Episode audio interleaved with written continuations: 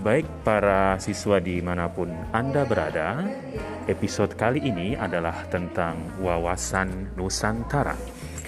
Sebagaimana kita ketahui di episode sebelumnya, wawasan Nusantara adalah cara pandang bangsa Indonesia terhadap diri dan lingkungannya.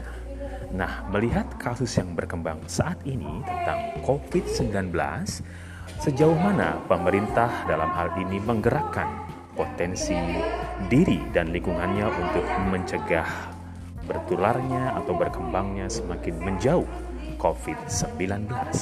Mari kita kaji sama-sama dalam konsep wawasan Nusantara. Stay tune dan tetap online.